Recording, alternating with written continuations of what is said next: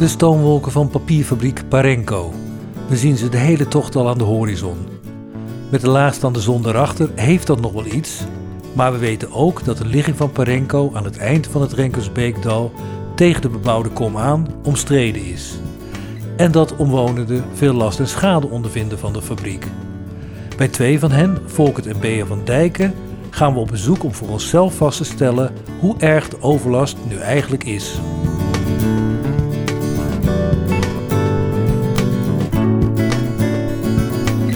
Ruik jij nog wat, Louis? Nee, ik, wat ik zei, in het begin had ik, weet je, dat, dat, ik noemde dat chloor, maar dat is dus helemaal fout. Het is dus een bromide. Maar ik zou nu niet zeggen, goh, het is niet zo prettig buiten hier.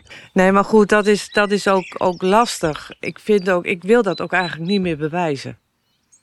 Ja, ja. Want Begrijp je? Als je dat zegt, maar ik ruik niks. Ja, dat kan. Dat kan heel goed. Trouwens, ontzettend goor nu, hè? Ja, het is, uh, ik ruik het nu echt. Alsof er om de hoek iemand staat te walmen en dan kreeg je ineens een. Ja. Uh, maar dat, dat komt uh, van de wind ook hoor. De windvlagen die hier zo. Ja, maar als het, ja, als het niet waait, dan is het hier echt. Alsof er een, constant. en dan blijft het ook hangen. Alsof er ja. een slechte kapper met een spuitbus even om je heen gaat. Nou ja, maar het was maar een kapper. Dat ruikt nog een beetje. Maar ik, ik, ik ben niet zo gevoelig. Maar als je hier buiten zit te eten, is dat geen pretje. Denk nee, nee. toch? Nee, nee. Nee, nee en, en ik vind hem niet eens zo sterk. Het is, is soms toch veel erger. Ja. We zijn rond deze datum, 8 juni, niet de enige die Parenco ruiken. Volker draagt voor uit de snuffel-app waarmee bewoners stankoverlast kunnen melden. Van 6 juni stank Parenco Petronelleweg, stank Europalaan, niet te weinig. Vreselijke Parenco-stank bij de Appie. Vieze stank Kerkstraat. Parenco-stank einde Dorpstraat. Nou, zo gaat het dan door. Ja. En dat zijn dan de mensen die het doorgeven. Ja. ja.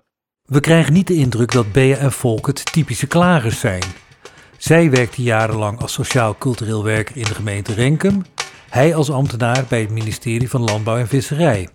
Ook na hun pensionering zijn ze nog maatschappelijk betrokken.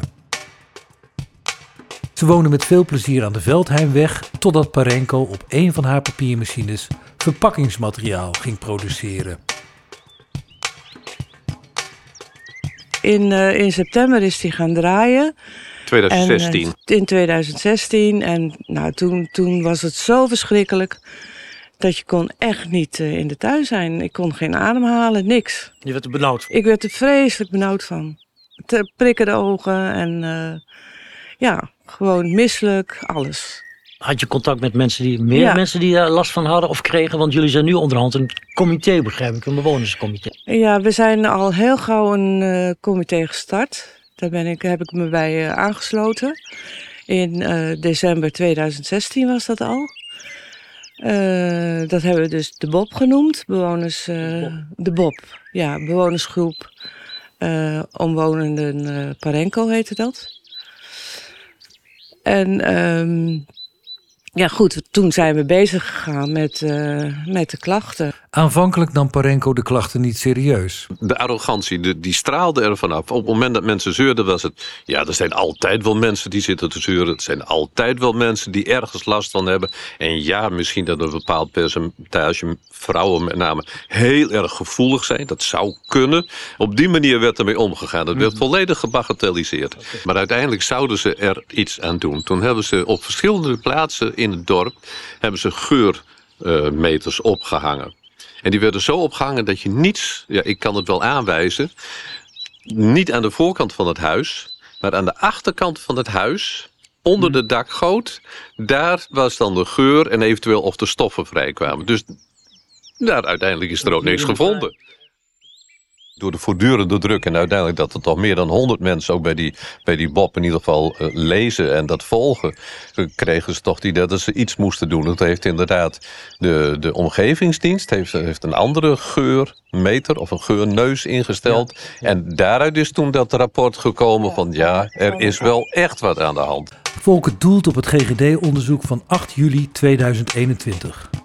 De conclusie luidt dat er sprake is van ernstige geurhinder in Renkum en Heelsum en dat vanwege de frequentie en omvang van die hinder de overlastsituatie als gezondheidskundig onwenselijk wordt beoordeeld. Dat is een conclusie waarvan je denkt, nou, nou moeten we nog even doorzoeken en doorpraten. Hoe reageerde Parenco daarop, op dat rapport van GGD?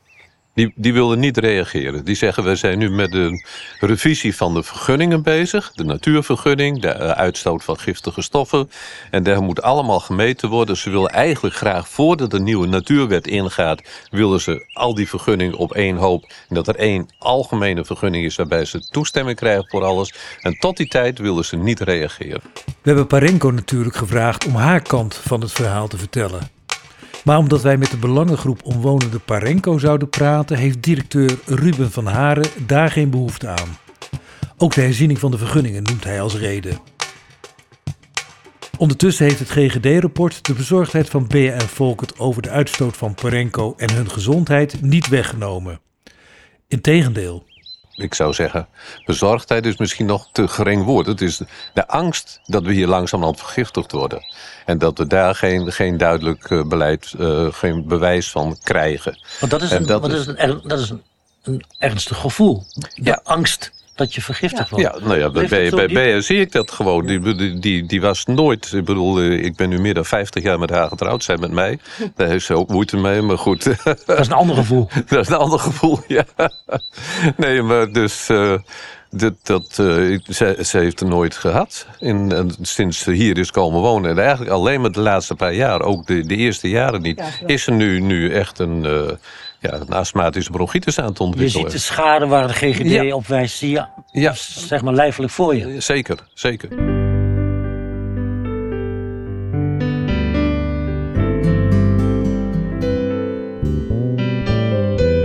Wat kan de gemeente doen om haar burgers te beschermen? Dat vragen we aan wethouder Joame Oesch van gemeente Renkum. In de volgende aflevering van Grondtonen.